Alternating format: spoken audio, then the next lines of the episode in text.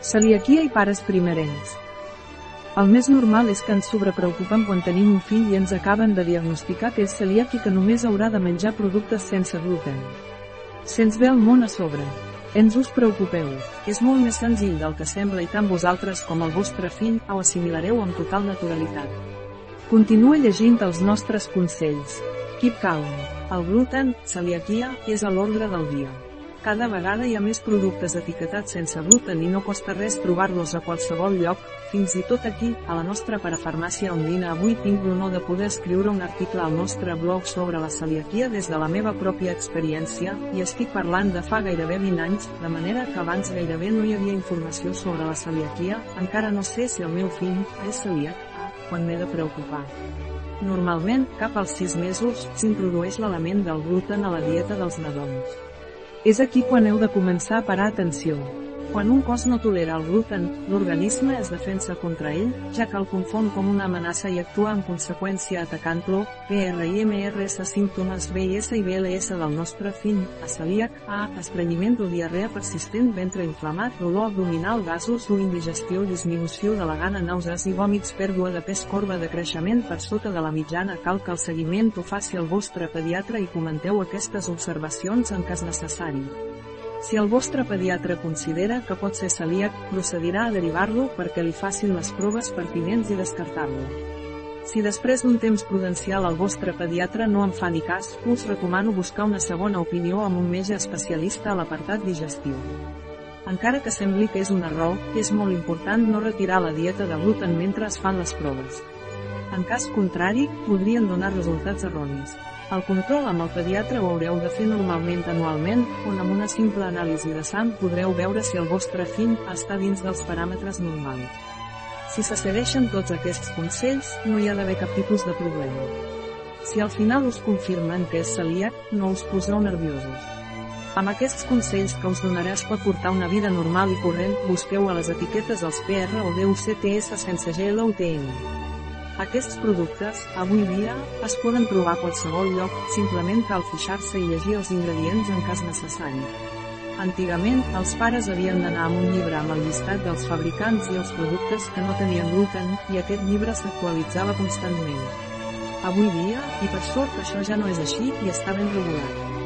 Nosaltres hem creat a la web una categoria específica de celíacs sense GLUTN. Al final d'aquest article trobareu l'enllaç. Quan cuineu a casa, podeu cuinar en diferents recipients per separar els productes amb gluten i sense gluten, sempre separats de recipient. És molt important no MSCLR els ESTR i S de cuina que utilitzem per remoure el menjar al recipient. Farem servir un per al recipient que contingui aliments amb gluten i l'altre utensili per al recipient amb els aliments sense gluten. El mateix val per quan hàgim d'escórrer la pasta. És tan senzill com escórrer primer la pasta sense GLUTN i després podem utilitzar el mateix recipient per escórrer la pasta amb gluten. Quan hagin de tallar aliments, cuideu els ganivets que han estat contaminats amb gluten. Això de sempre, un ganivet per als aliments amb gluten i un altre per als que no tinguin gluten. A les festes d'aniversari, aviseu abans d'anar-hi, ja que el més segur és que us preparin alguna cosa especial per al vostre fill. Pels anys d'experiència, no hi ha cap problema a les festes d'aniversari. Simplement cal vigilar que els nens no comparteixin el menjar, ja que el més normal és que vulguin compartir amb els seus amics una galeta, per exemple. Pel tema del menjador a l'escola, no us preocupeu tampoc. Tots els que he vist estan a l'ordre del dia i supercontrolat. Potser el més delicat en el moment de cuinar, sigui la farina, ja que com que és un element en pols, pot contaminar fàcilment tot el seu voltant. Potser és on heu de tenir més cura, i si agafeu el costum de cuinar primer el que no porti gluten i després la resta, la vida serà molt més fàcil, us ho asseguro. Quan acabeu de cuinar, heu de netejar bé tant els utensilis com la superfície. Recorda tenir sempre FAR i N de blat de moro. És el substitut normal de la farina normal per a gairebé qualsevol àpat i tota la família la pot ingerir sense problemes. És important fixar-se que no contingui gluten. Com a dada curiosa, la plastilina sol ser comestible, per seguretat, però sol contenir gluten. Moltes escoles opten per utilitzar plastilina sense gluten. Informa que l'escola, asterisc, amb el tema dels utensilis de cuina, no hem d'arribar a l'extrem de separar físicament i per sempre els utensilis, ja que quan els rentem o passen pel rentaplats, eliminem qualsevol resta de gluten, restaurants i CL i aculla. Cuina sense GLUTN als restaurants sembla que és el tema més delicat però tranquils, que no és missió impossible. Si aneu a un restaurant, truqueu abans per saber si serveixen productes sense gluten, normalment estan la majoria avui preparat. Molts fins i tot ho indiquen a la porta o a l'interior del mateix restaurant i, com és norma ja, també a la carta. Moltes vegades ens diuen que les patates fregides, per exemple, són naturals i les fan tallen ells mateixos, i que a la fregidora només hi posen patates, res de arrebossats, doncs res, ja sabeu que les patates fregides són sense gluten, però compten els fregits pel que fa a dieta sana. Les carns a la planxa, mentre la planxa estigui neta de qualsevol resta de gluten, tampoc hi sol haver problema. Amanida sembla que al principi no haurien de donar problemes, però moltes posen trossets de pa torrat o altres ingredients que s'hi contenen gluten. Per la vostra seguretat i la dels vostres fills, millor que pregunteu abans. Per a la resta del menú, consulteu amb el restaurant. Avui, a més, disposem del Google Maps, on podem veure les opinions i les cartes abans d'anar al restaurant, i si no, fer-los la consulta directament pel formulari del Google Maps, ja que la vostra consulta ajudarà als següents pares primerencs que la llegeixin i gràcies a això, estar-ne informat. Aprofito com a tècnic informàtic per subratllar la importància de les vostres opinions en els llocs que freqüenteu o compreu, com la nostra parafarmàcia on línia. Les vostres opinions és una de les bases més importants per poder ajudar els altres i informar sobre la qualitat o característiques d'un negoci, ja sigui virtual com a físic.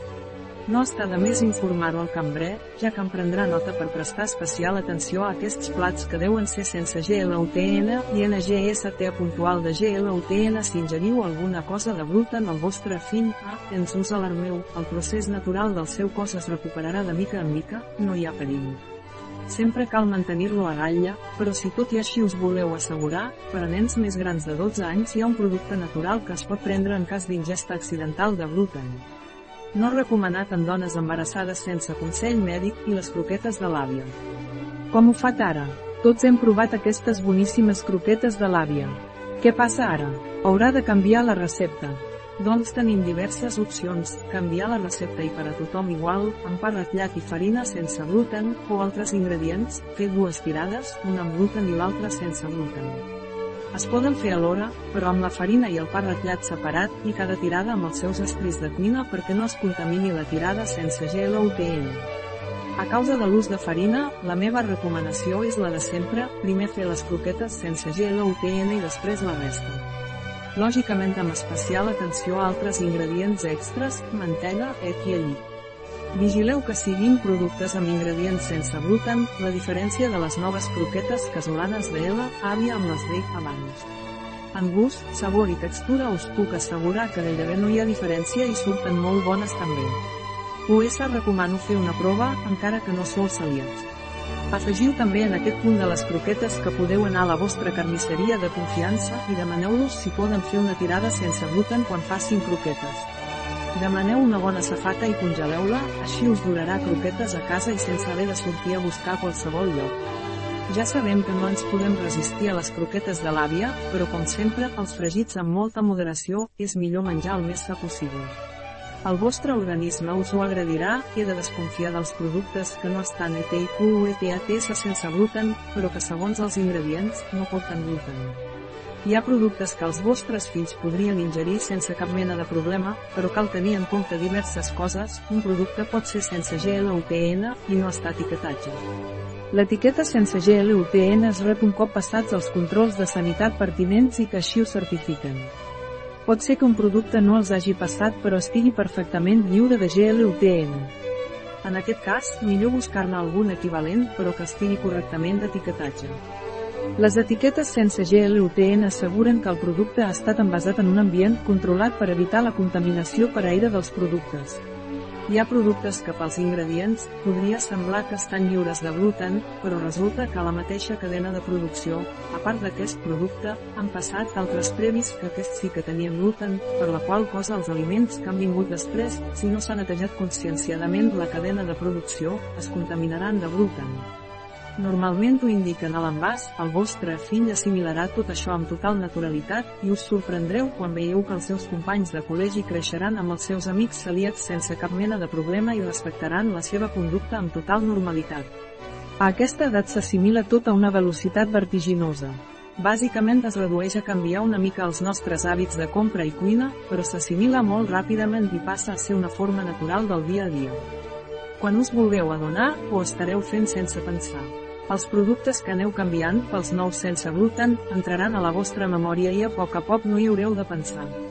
Heu de tenir en compte que moltíssims dels productes d'avui dia estan etiquetats sense GLUTN, però no és que ara siguin sense GLUTN, sinó que sempre ho han estat i ja estàvem menjant aliments sense GLUTN sense saber-ho, simplement que han afegit l'etiqueta com a verificació de sanitat. Ja veieu que no és tan difícil.